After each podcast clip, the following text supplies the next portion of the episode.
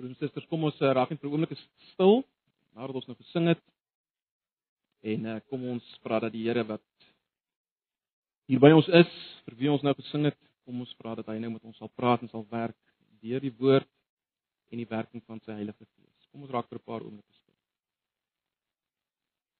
Here baie baie dankie dat ons maar net nou u teenwoordigheid kan wees. Hoe wonderlik is dit nie om om te sing om u groot te maak om ons gedagtes te rig op U nie. Ag Here, ons is so bewus elke keer as ons dit doen, is ons so bewus van die feit dat ons is gemaak hiervoor. Niks anders. Ons is gemaak om U groot te maak, om die lig op U te laat val, om U te verheerlik. Dankie dat ons so kan saam wees. Dankie dat ons U kan aanbid. Dit vir elkeen wat ver oggend hier kan wees nie siek is of ons weet ander redes nie kan wees nie. Ons wil vra dat U ook vanoggend by hulle sal wees. U ken elkeen se se nood. Se worstelstryd, ook die wat vanoggend hier is, die vrae waarmee ons sit. Here, ek wil bid dat U vanoggend maar net ook genesend rond sal beweeg. Sal aanraak deur die Gees en sal bemoedig en sal versterk. Asseblief. Ons verwagting is van U. Amen. Nou ja, broers en susters, ons is ehm um, steeds besig met Hebreërs. En vandag gaan ek lees vanaf vers 23 van hoofstuk 11. Ek gaan nie alles herhaal nie. Die van julle wat nie was nie of wat net weer wil bykom wat dit betref, is, is altyd welkom natuurlik om 'n CD in die hande te kry. Ek gaan lees vanaf vers 23 tot hoofstuk 12 vers 2. Lees die 83 vertaling, maar uit die aard van die saak van ons ook verwys na die 53 en ander vertalings as dit nodig is. Ons lees vanaf vers 23. Omdat die ouers van Moses geglo het, het hulle hom na sy geboorte 3 maande lank weggesteek. Hulle sien dat hy 'n mooi kind is. Hulle was nie bang vir die bevel van die koning nie. Vers 24 omdat Moses geglo het, het hy toe hy groot geword het geweier om die seun genoem te word van die farao se dogter. Hy het verkies om liewer sleg behandel te word saam met die volk van God as om die kortstondige genieting van sonde te hê. Die smaad ter wille van Christus. Nou die letterlike vertaling is net die smaad van Christus, maar ek sal net nou terugkom daarna. Die smaak van Christus of ter wille van Christus het hy groter rykdom geag as die skatte van Egipte omdat hy na die beloning uitgesien het. Omdat hy geglo het, het hy Egipte verlaat sonder dat hy vir die woede van die koning bang was. Hy het volhard soos iemand wat die onsigbare God sien. Omdat hy geglo het, het hy die pasga ingestel en die bloed van aan die deurkosyne laat smeer sodat die engel van die dood nie die eerstgeborenes van Israel sou tref nie. Omdat die Israeliete geglo het, het hulle deur die Rooi See getrek, soos uh oor droë grond terwyl die Egiptenaars verdrink het, toe hulle dit ook probeer doen. Omdat die Israeliete geglo het, het die mure van Jeriko geval nadat hulle 7 dae daaromtrent uh, daaromheen getrek het. Omdat Rahab die prostituut geglo het, het sy die verkenners vriendelik ontvang en het sy nie omgekom saam met die wat aan God gehoorsaam was. En wat moet ek nog meer sê? Die tyd ontbreek om my te vertel van Gideon, Barak, Samson en Jefta, van Dawid, Samuel en die profete. Hierdie geloof het hulle koninkryke verower, die reg van God gehandhaaf en verkry wat God beloof het. Hulle het leeu se bekke toe gestop, gloeiende vuur geblus en aan die swaard ontkom. Hulle het in swakheid krag ontvang, was sterk in oorlog en het die leers van vreemdes op die vlug gejaag. Vroue het hulle dooies teruggekry, opgewek uit die dood. Ander gelowiges wou nie die prys vir hulle eie vrylating betaal nie en is doodgemartel. Hulle wou die opstanding tot 'n beter lewe deelagtig word. Ander weer het bespotting en lyfstraf verduur, selfs boeye en gevangenskap. Gelowiges is met klippe doodgegooi en stukke gesaag met die swaard vermoor. Hulle het rondgeswerf in skaappelle en bokpelle. Hulle het gebrek gelei, is verdruk en mishandel. Die wêreld was hulle nie werd nie. Hulle het rondgeswerf in woestyne en op berge en in grotte en in gate in die grond gelewe. En hoewel daaroor hulle almal van wie hulle geloof met soveel lof getuig is, het hulle nie verkry wat beloof is nie, omdat God vir ons iets beter beoog het. Sodat hulle nie sonder ons die volëinding sou bereik nie. Terwyl ons dan so groot skare geloofsgetuienis rondom ons het, laat ons elke las van ons afgooi, ook die stryk wat so maklik ook die sonde wat so maklik verstrik en laat ons die wedloop wat vir ons voorlê met volharding hardloop, die oog gefestig op Jesus. Die begin en volëinder van die geloof terwyl van die vreugde wat hy vir hom en die oh, oh, ekskuus terwyl van die vreugde wat vir hom in die vooruitsig was het hy die kruis verduur sonder om vir die skande daarvan terug te deins en hy sit nou aan die regterkant van die troon van God. Ons lees net so ver. Ons sal ons sal wel weer by by hoofstuk 12 uh, sal ons weer stil staan. Ek uh, ek wil net volgens 'n sekere rede tot by vers 2 gaan. Nou, broers en susters, ek dink nie ek's verkeerd as ek sê dat uh, ons almal met weerstand vervul is. Ons was geskok uh toe ons 'n paar maande gelede gehoor het van die die 21 koptiese Christene wat so wreedaardig daar op die strand vermoor is. En natuurlik al die moorde wat daarop gevolg het. Vul ons met weerstand. Ons is geskok. En onwillekeurig sit dit weer die vraag op die tafel, maar hoekom gebeur slegte dinge met goeie gelowiges? Hoekom gebeur slegte dinge met goeie gelowiges? Nou, julle sal weet, dis nie 'n nuwe vraag nie. Uh vir eeue lank worstel teoloë en filosowe met hierdie vraag. Uh, Waarskynlik is dit indien nie die grootste vraag nie, een van die grootste vrae waarmee geworstel word. Dit sê vir al die teoloë, maar ook deur filosowe. Nou, die antwoord op hierdie vraag hoekom gebeur slegte dinge met goeie gelowiges? Die antwoord op hierdie vraag is uit die aard van die saak uh nie so eenvoudig. Mense kan baie baie lank daaroor redeneer en van alle kante bekyk en en ek wil onmiddellik sê dis nie wat ek vanoggend gaan doen nie. Ek gaan nie net weer al die argumente op die tafel plaas nie. Daar daar daar's 'n tyd daarvoor en ons as die Here wil kan ons op stadium dit doen. Uh dit is iets wat my persoonlik uh, uh interesseer. Maar dis nie waaroor vanoggend gaan nie. Ek gaan ook nie vanoggend probeer voorgee dat ek 'n nuwe antwoord op hierdie uh oeroue vraag gaan gee nie. Wat ek net wil hê ons moet vanoggend uh doen, ek wil ons moet kyk na hierdie gedeelte wat ons gelees het. En ek wil hê ons moet probeer agterkom hoe dink die skrywer van Hebreërs onder leiding van die Heilige Gees oor hierdie vraag.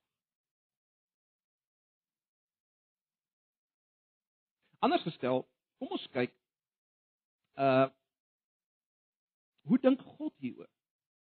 En dan oor oor hierdie vraag, hoekom gebeur slegte dinge met goeie gelowiges? En, en julle sal nou weet dat vir die eerste lesers van Hebreërs was dit 'n uiters relevante vraag, want hulle het, het swaar gekry. Hulle is vervolg. Tot op die punt waar hulle regtig wou begin opgee. Dit dit dis die groter prentjie van Hebreërs. So jy kan agterkom, dit was vir hulle 'n dringende vraag.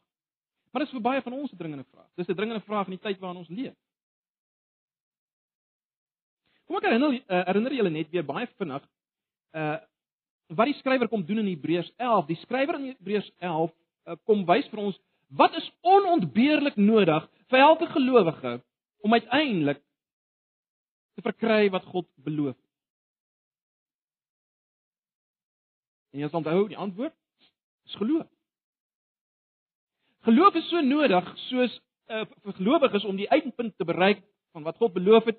Dit is so nodig vir gelowiges soos wat en julle onthou ons het die beeld gebruik, soos wat 'n yspik nodig is vir bergklimmers in in in sneeubedekte berge om uiteindelik die die top te bereik van die berg. Jy kan nie sonder dit nie. Dis onmoontlik. Jy gaan sterf sonder dit. En dis wat die skrywer uitlig in hoofstuk 11. En hy doen dit natuurlik om sy lesers te bemoedig as hulle hierdie geloof het.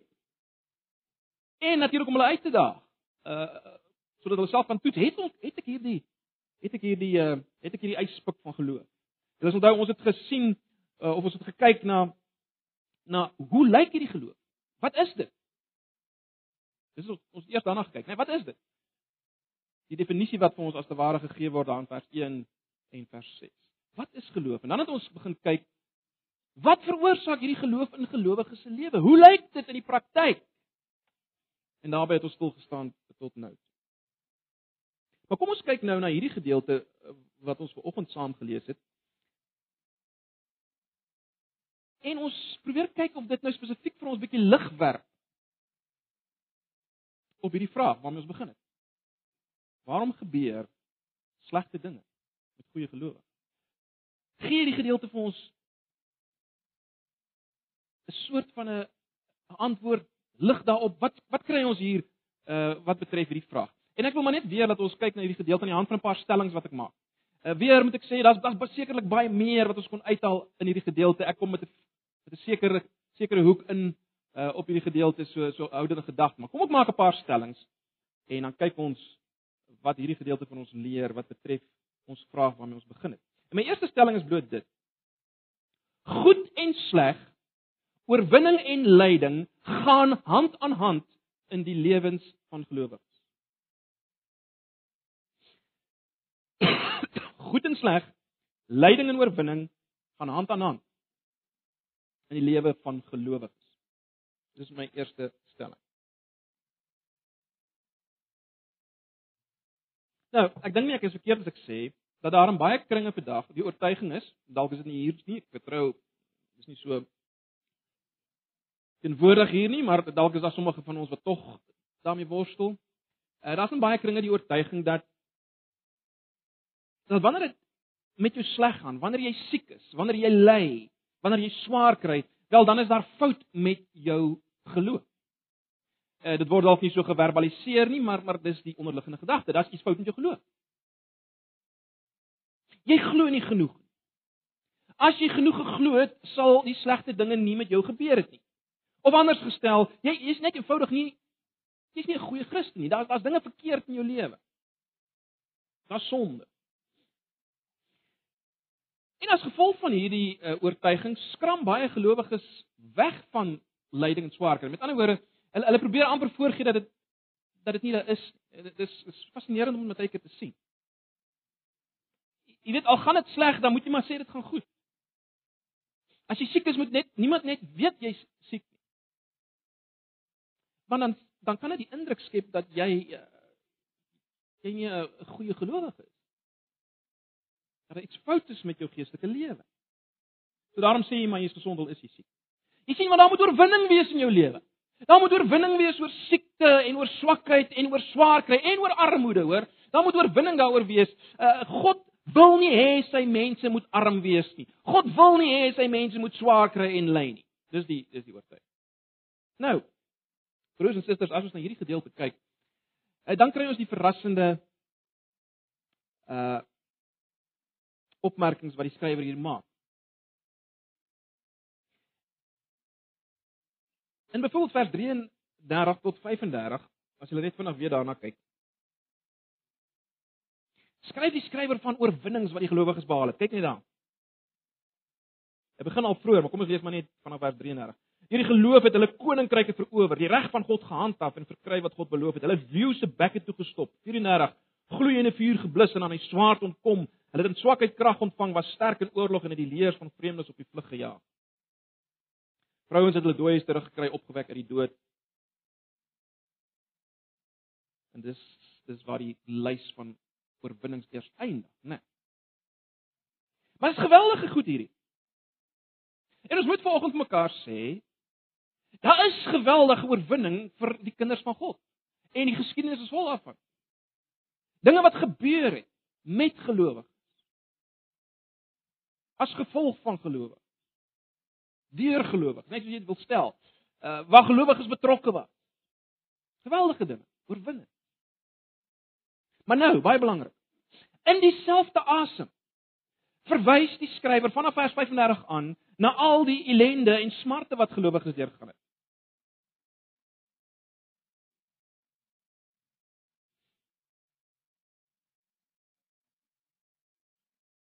Lees verder in vers 35, 35. Ander gelowiges wou nie die prys vir hulle vrylating betaal nie en is doodgemartel. Hulle wou die opstanding tot 'n beter lewe deelagtig word. Vers 36. Ander weer het bespotting en lyfstraf verduur, selfs boeye en gevangenskap. Vers 37. Gelowiges is, is met klippe doodgegooi, in stukke gesaag, met die swaard vermoor. Hulle het rondgeswerf in skaapvelle en in bokvelle het gebrek gelei gebrek gelei. Ons raak sien. Is verdruk en mishandel.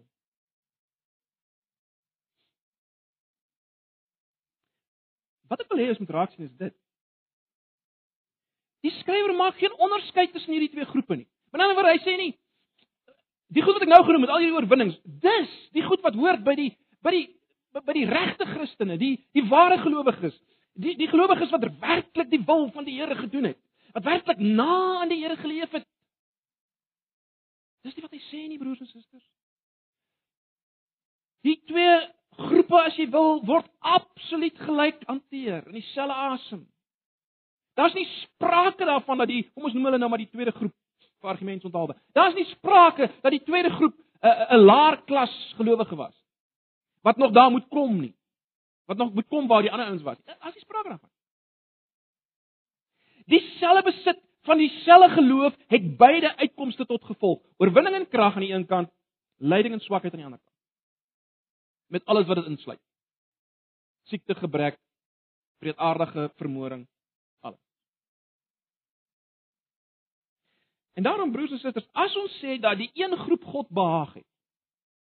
In ander woorde, om terug te verwys na vers 16 waar daar gesê word dat God nie skaam is om om gelowiges se God genoem te word of om hulle geïdentifiseer te word. Ons daarna gekyk. As ons sê van die eerste groep, kom ons noem dit nou maar groep, dat God nie skaam is om hulle God genoem te word nie, dan moet ons dit ook sê van die tweede groep. God is nie skaam om hulle God genoem te word. Dis my eerste punt. Nou kom kom my tweede punt. En julle moet maar volg want daar's ek kan daar's 'n soort van 'n logika in in in hoe dit aangaan. 'n Tweede punt of stelling wat ek wil maak is dit. Lyding van gelowiges al hierdie dinge wat ons genoem het. Lyding van gelowiges, ek noem dit maar net lyding. Lyding van gelowiges is die bewys dat iets verkeerd is met hierdie wêreld. Lyding van gelowiges is die bewys dat iets verkeerd is met hierdie wêreld. Kyk bietjie na die interessante opmerking in vers 38, die begin van vers 38. Ek gaan na vers 38 se begin.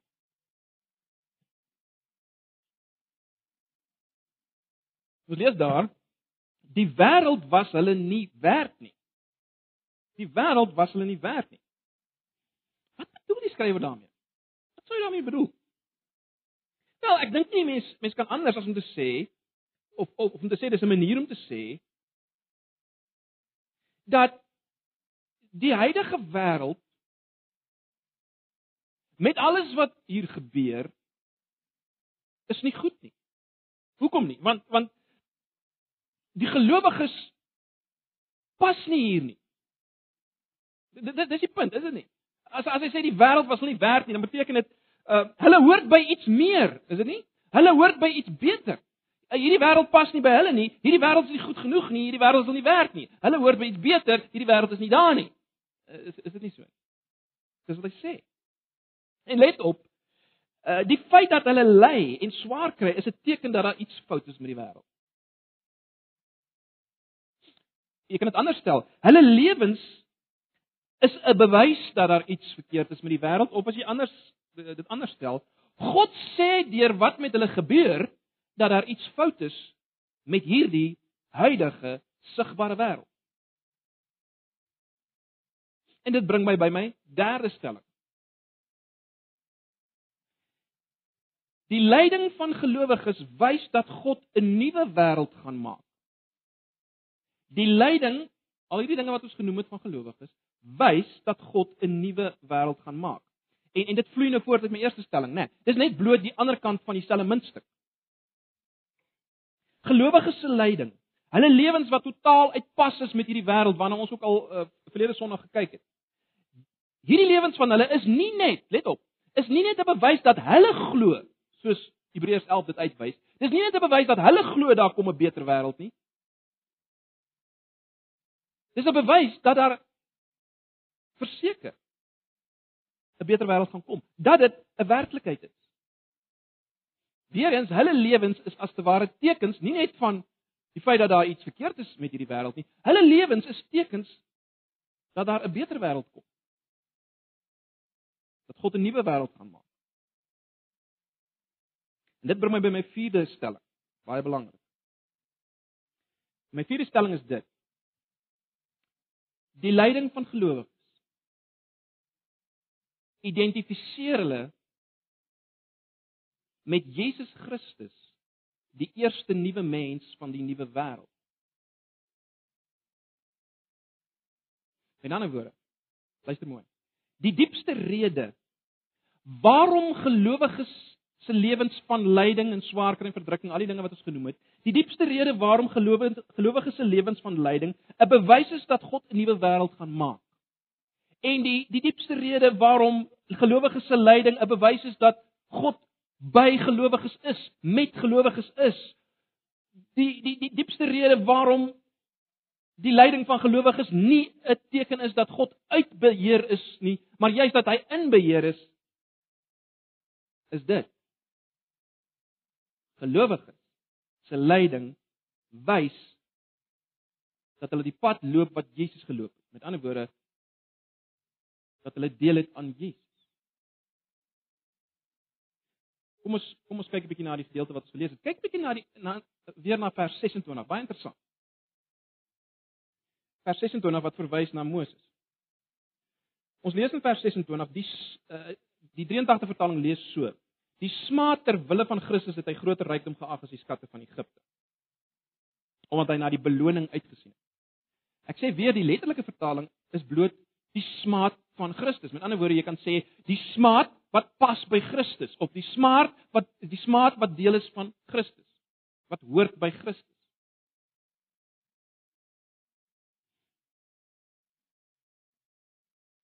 dis waaraan Moses deel gehad in sy swaar kry in Egipte. Natuurlik het Moses nie nie presies geweet waar dit gaan nie, nê. Nee, Moses het nie geweet soos ons weet van Jesus nie. Hy het dalk hoogstens eh, 'n uh, bewustheid gehad van 'n Messias wat sou kom uh, en wat sou lei. Dit is moontlik, maar uh, maar niks meer nie. Maar die skrywer wil hê ons moet sien dat Moses as te ware deel gehad het aan die smaad van Christus, die die die smaad wat Christus deurgaan. Aan die ander wyse die swaar kry, die lyding, die dinge wat Christus deur. So dis belangrik. Dis die eerste ding wat ons moet raak sien. En en broers en susters, die punt is dit. Ons wat leef onder die nuwe verbond.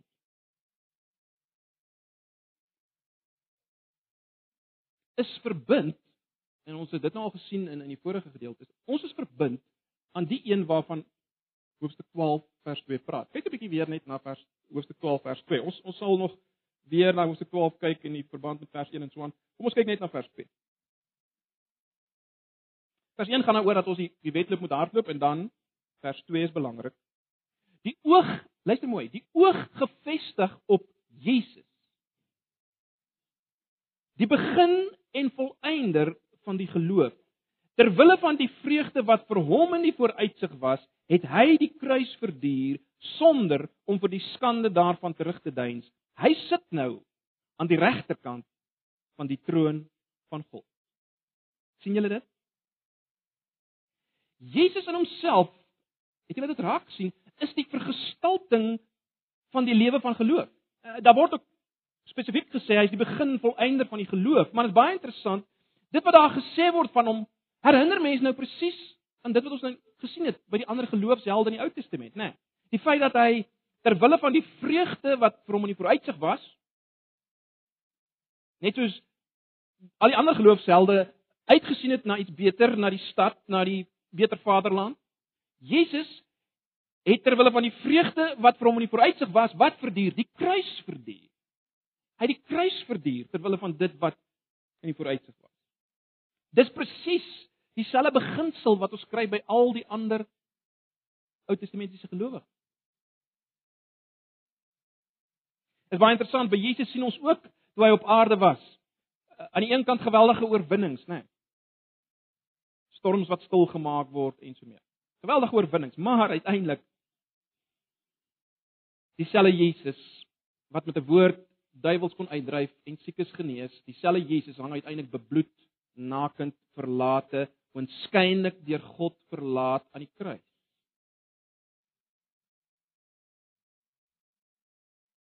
Maar was dit 'n teken dat God hom verlaat het? Nee. Teendeel. God was juis daar aan die kruis, nie waar nie? Maar, maar die punt wat ek wil maak is dit broers en susters. Wie is Jesus? Onthou wie is Jesus? Wie is Jesus? Jesus word deur Paulus genoem in 1 Korintiërs 15 die laaste Adam. Met ander woorde, die die die die jy kan dit anders stel, die eerste nuwe mens van die nuwe skepping. Dis Jesus. Uh Gaan lees maar weer die hele 1 Korintiërs 15 en ander gedeeltes. Jesus is God, as jy wil, God se eerste nuwe mens. Hy's die nuwe Adam. Daar gaan ook nie weer een kom nie. Hy's die nuwe een. Hy's die nuwe begin van 'n nuwe mensheid. Dis belangrik om dit te verstaan. En sy lewe is die lewe van iemand van geloof. As jy wil weet, hoe lyk God se nuwe mens? Hoe lyk God se nuwe mense? Wel, dan moet jy kyk na Jesus want hy's die eerste een. Hy stap voor sê 1 Korintiërs 5. Hoe lyk die nuwe mense van geloof? Wel, kyk na Jesus. Hy is die begin en volëinder van geloof. Hy was die eerste een van die nuwe skepping wat die pad van geloof geloop het. Hy's die begin. Maar hy's ook die eerste een wat hierdie pad klaar gemaak het. Hy wys ons hoe lyk die einde van hierdie geloofspad. Hy sit nou aan die regterhand van God, die troon. Hy is die begin en hy is die einde.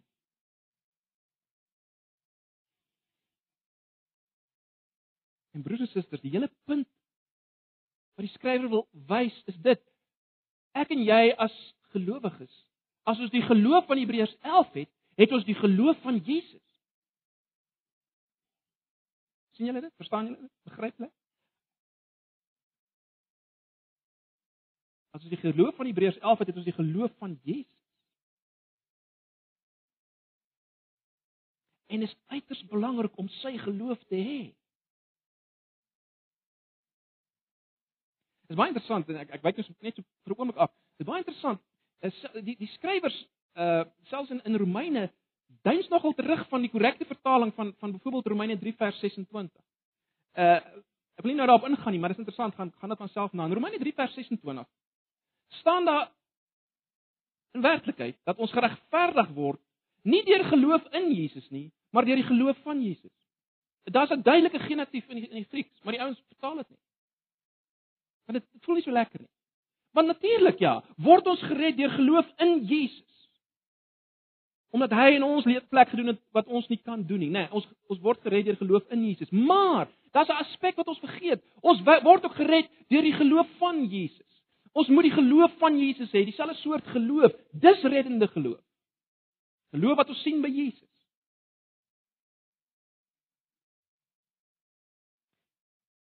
Hoekom is dit belangrik? Hoekom is dit belangrik in hierdie konteks? Die punt is dit. As Jesus die eerste mens van die nuwe skepping was, wat die pad geloop het van begin tot einde, en ons, ek en jy het dieselfde geloof as Jesus, dan beteken dit ons sal die hele pad loop tot by die troon as jy wil. Ons het dieselfde geloof. En dan beteken dit luister mooi. Dan beteken dit ons lewens sal ook gekenmerk word deur oorwinnings en lyding, swaar kry, verwerping soos Jesus. Dis hoe die mense van die nuwe skepping lyk. Die mense wat op pad is na die nuwe skepping, wat reeds deel het daaraan, nou pad is na die nuwe een. Okay, nou nou kan julle verstaan waar my vorige punte hoe my vorige punte inpas hoekom ons lyding 'n veroordeling is, bewys is dat daar iets fout is met hierdie wêreld, 'n bewys is dat daar iets 'n beter wêreld kom. Ag broers en susters, dit is so belangrik dat ons dit hier sal sien. En dit bring my by my vyfde punt en dis verrassing. My vyfde stelling is dit. Gelowiges in die Nuwe Testamentiese bedeling, met ander woorde ek en jy. Gelowiges wat nou in hierdie bedeling ly en swaar kry, het reeds deel aan die nuwe wêreld. Ja, daar kom 'n finale gestalte daarvan, maar die punt wat die skrywer wil hê ons moet raak sien is ons het reeds deel daaraan. Julle sal nou weet dat dwars deur hoofstuk 11 wys die skrywer dat die gelowiges in die ou bedeling die sogenaamde geloofshelde van die Ou Testament het geleef met die oog op dit wat kom, né? Nee, dit word op verskillende maniere uh, daar word op verskillende maniere daarna verwys. Hulle het ge, ge, geleef uh, met die oog op 'n nuwe vaderland en dan spesifiek baie interessant, hulle het 'n stad verwag. Kyk na vers 10 as ek dit nie mis het nie. 'n Stad verwag waarvan God die bouer is. Dink is vers 10, né? Ja.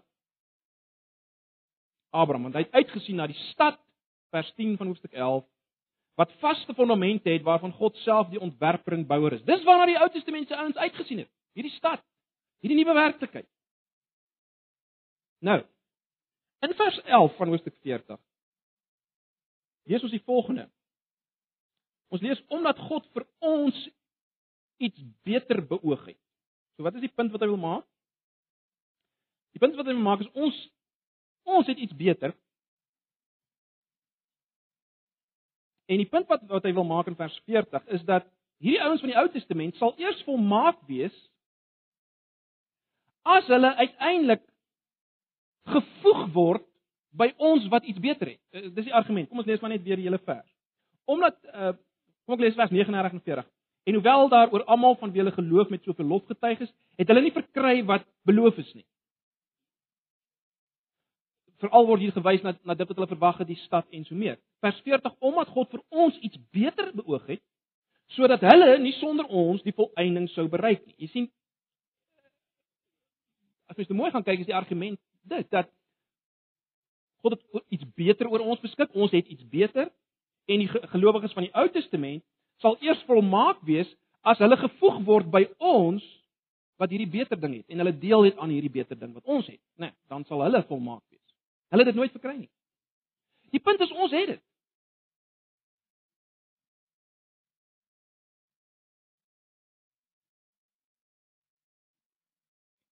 En om dit baie duidelik te sien, moet ons 'n bietjie verder loer.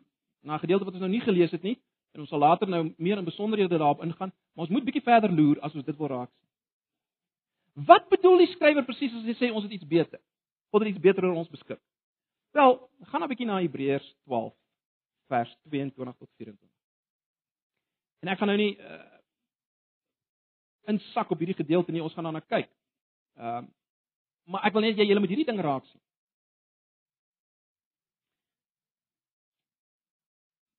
Hebreërs 12 vanaf vers 22. Nou, miskien moet ek net vinnig sê in in die verse voor vers 22 ehm um, vanaf vers 18 af sê die skrywer julle as gelowiges in Hebreërs het nie gekom en dan gebruik allerlei beelde om eintlik maar die die Ou Testamentiese die ou verbond uit te lig, nê, nee, die die brandende berg en al hierdie dinge nie. Hy sê julle julle is nie daarby gekom nie. Julle is nie deel van daai ou bedeling nie. Die punt is julle is deel van iets beter, maar luister nou, wat is hierdie beter? Kom ons kyk na vers 22. Dis fascinerend, is dit nie? Hebreërs 12 vers 22.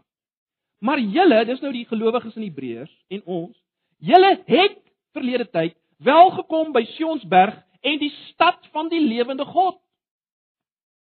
Nie julle gaan nie, julle het gekom by die stad van die lewende God. Dis die hemelse Jerusalem met sy miljoene engele by die feestelike samekoms. Broers en susters, dis waarna die Ou Testamentiese gelowiges uitgesien het in vers 10. Julle onthou ek het julle gesê die daar was hierdie verwagting dat God Jerusalem 'n nuwe Jerusalem daar gaan skep. Nou kom die skrywer en hy sê in in hoofstuk 12 22 maar julle julle het aan Kom ons gaan net aan, ons lees net tot by vers 24. Die vergadering van die eersgeborenes wie se name in die hemel opgeteken is. Julle het gekom by God wat regter is oor, oor, oor almal en by die geeste van die wat vrygespreek is en wat nou volmaak is, by Jesus die middelaar van die nuwe verbond en by die besprenkingsbloed wat van iets beter getuig as die bloed van Abel. Nou ons gaan kyk na hierdie gedeeltes. Al wat ek wil hê julle moet nou net sien is die feit dat daar word in die verlede tyd geskryf oor dit waarna hulle reeds deel het. Natuurlik wag daardie die finale gestalte daarvan. Maar broers en susters, dis die beter wat ons het. Ons moet dit raak sien. Gemeente wees is deel van hierdie beter as wat die ou bedeling gehad het. Hoor ons dit?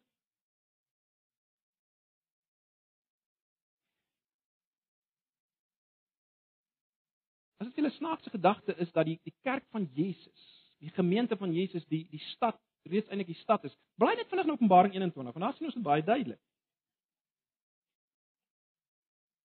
Natuurlik is dit beelde om hierdie realiteit uit te uit te uh, uit te beeld van die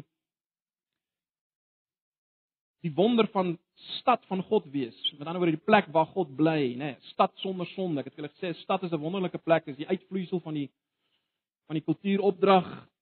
Sonder sonde is 'n wonderlike plek as God daar is. Kyk net 'n bietjie na Openbaring 21.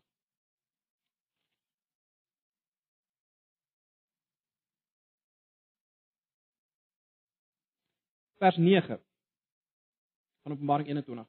Toe het een van die sewe engele wat die sewe bakke het waarin die sewe laaste plaas was gekom en met my gepraat, is nou met Johannes op Patmos. Kom, het hy gesê, ek sal jou die bruid wys, die vrou van die lam. Nou wie is die bruid, die vrou van die lam? Wel ons weet dit verwys na die die kerk van Jesus, né? Nee. So nou verwag ons hy gaan hierdie bruid sien, die vrou van die lam. Maar my liewe aarde, kyk wat sien hy in vers 10. Ek is toe deur die Gees meegevoer en die engel het my na 'n groot hoë berg toe geneem en die heilige stad Jerusalem vir my gewys wat van God af uit die hemel uit afkom. Vers 11, die stad het die heerlikheid van God, sy glans is die uh, soos die van die kosbaarste edelsteen en so meer, uh, soos kristalhelder en so meer. En dan baie interessant, Waar het bestaan hierdie finale stad? Kom ons lees maar net vanaf vers 12. Die stad het 'n groot hoë muur met 12 poorte. By die poorte is daar 12 engele en op die poorte is daar 12 name geskrywe, die van die 12 stamme van die volk Israel. Aan die ooste kant is daar drie poorte en dan gaan hy so aan en ek wil net eers na vers 14 kyk. Die stad se mure het 12 fondamente en daarop is daar ook 12 name, die van die 12 apostels van die Lam. Nou, ons is nou besig met Openbaring nie, maar die punt is maar net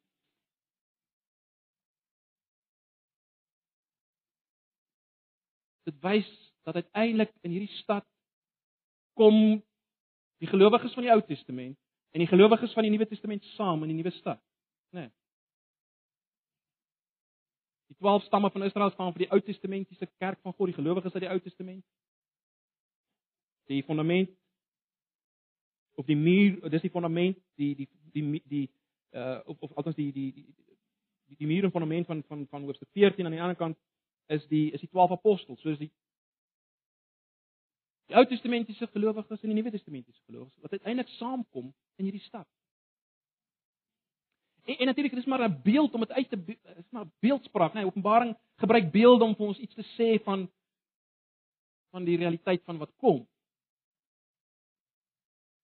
Groter en heerliker as ons ooit sal kan dink, maar al wat ons nou moet sien is dit, broers en susters.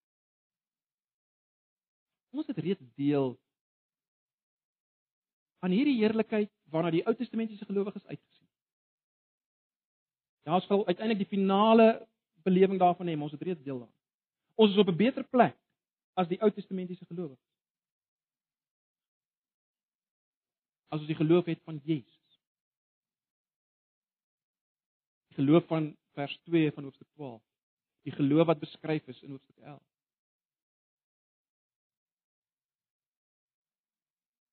Ons het reeds deel aan die begin van die nuwe wêreld.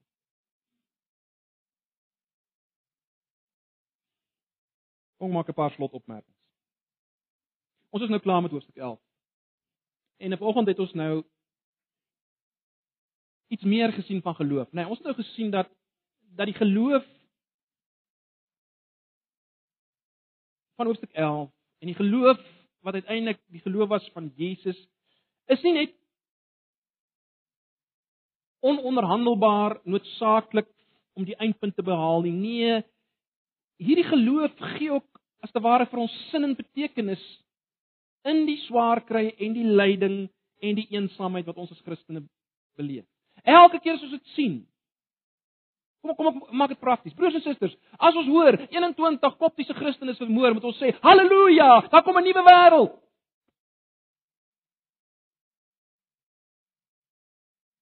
Waar hy self te koptiese Christene gaan regeer. Dis is die punt, is dit? Dis die punt. Ons het gesien nou hier dat ek en jy as Nuwe Testamentiese Christene ons wat weet wat die pad is wat Jesus gestap het, ons wat deel het aan aan Jesus op 'n manier wat die Ou Testament dit nie beleef het nie. Ons kan met meer vreugde die pad van geloof stap. Ons behoort dit met meer vreugde te stap as die Ou Testamentiese geloofshelde. Dis die implikasie, hoor. Want ons is op 'n beter plek. Ons is op 'n beter plek en ons is op pad na die finale gestalte. So, as jy ver oggend die geloof het van Hebreërs 11 en en en en jy gaan op die oomblik deur swaar tye, een of ander vorm van lyding, armoede, verwerping, maak nie saak wat dit is nie. Wat kan jy vanoggend weet? Jy kan weet daar is 'n beter wêreld op pad. As iets fout met hierdie een, daar's 'n beter een en jy kan weet God is by jou soos hy by Jesus was. God verstaan waar jy gaan soos hy verstaan het waar Jesus gegaan het. En God sal jou trane eendag afvee. En jy sal weet waar Jesus is saam met hom. Jy's op sy pad. Jy kan dit weet en jy kan dit vat. Hier's vir ander vanoggend wat ek die vraag moet vra, het jy hierdie geloof van hoofstuk 11? Het jy dit? Het jy hierdie onverklaarbare sekerheid waarvan vers 1 praat, hierdie oortuiging van die dinge waarop waarop ons as Christene hoop? Wat in diepste verwys na die dinge wat Jesus in ons plek verwerf het, waarvan Hebreërs praat tot by hoofstuk 10. Is jy seker, is jy oortuig van die absolute reiniging van sondes deur die werk van die hoëpriester Jesus in jou plek, sodat jy nie 'n offer hoef te bring nie. Is jy oortuig daarvan? Dis die vraag. Is jy oortuig daarvan? Weet jy dit? Weet jy dat jy vrye toegang tot God het? Elke oomblik op grond van wat hy gedoen het. En baie belangrik, leef jy in die lig van daardie realiteit elke dag? In ander woorde, leef jy jou lewe in die lig van van hierdie waarhede en en die waarheid dat jy op pad is na die nuwe stad. Se finale gestalte. Jy's reeds deel daaraan. Jy's op pad na die finale gestalte. Het dit 'n impak op hoe jy leef? Maak dit dat jy bekommerd is oor die rondom jou wat nie deel het daaraan nie. Dit is die vraag wat ons osself moet afvra. Is jy bekommerd oor die ouens wat nie geloof het nie, want hulle hulle hulle is nie deel hiervan nie.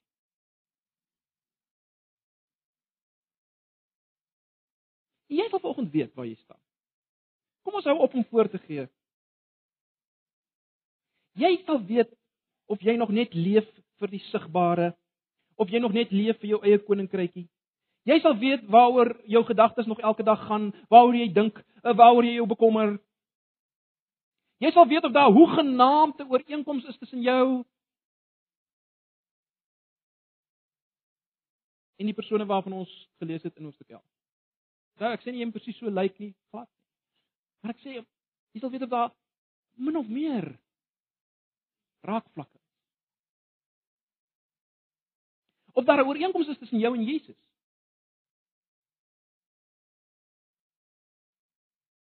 Daar moet 'n soort van ooreenkoms wees.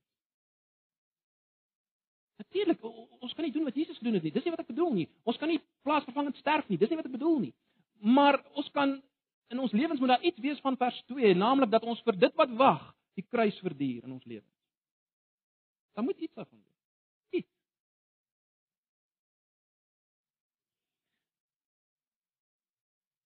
As jy nie hierdie geloof het nie, waar kan jy dit kry? Wel, as net een plek volgens vers 2. Jesus. Hy is die begin van geloof. Hy is die volleinder van geloof. En daarom As jy vanoggend 'n begeerte het, 'n drang het, wat vanoggend in jou ontstaan het onder die prediking, wel vlug na Jesus. Vlug na hom en en en jy sal die wonder van geloof begin beleef. Hierdie sekerheid, hierdie onverklaarbare heerlike oortuiging. Jy sal dit begin beleef. As jy kyk na Jesus, jy vlug na hom, Jy omhels hom. Jy werp jouself op hom as jou enigste hoop. Ag, my gebed is dat dat niemand sal uitstap vanoggend wat wat nie verbind is aan Jesus nie. Want hy is die begin en die volëinder van geloof. As jy aan hom verbind is, kan jy weet jy gaan die einde bereik. En dit bring ons aan die einde van hoofstuk 11. En ek hoop ons is almal oortuig van die yspik om ons beeld van die begin te gebruik, die yspik wat ononderhandelbaar noodsaaklik is vir ons tog na die hemelse stad, die finale gestalte van die hemelse stad. Dit stad naamlik geloof. Geloof. Broers en susters, sonder dit kan ons nie. En weer eens, dis ons wat op pad is swem as gemeente saam. En daarom moet ons mekaar vermaan en bemoedig en aanmoedig op hierdie pad van geloof. Ag, mag die Here ons daarmee help. Amen. Kom ons bid saam. Here baie dankie vir u woord. Dankie vir die wonderlike bemoediging wat ons het.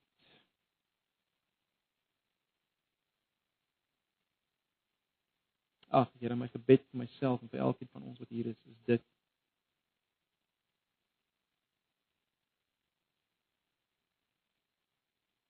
wek in ons meer en meer geloof.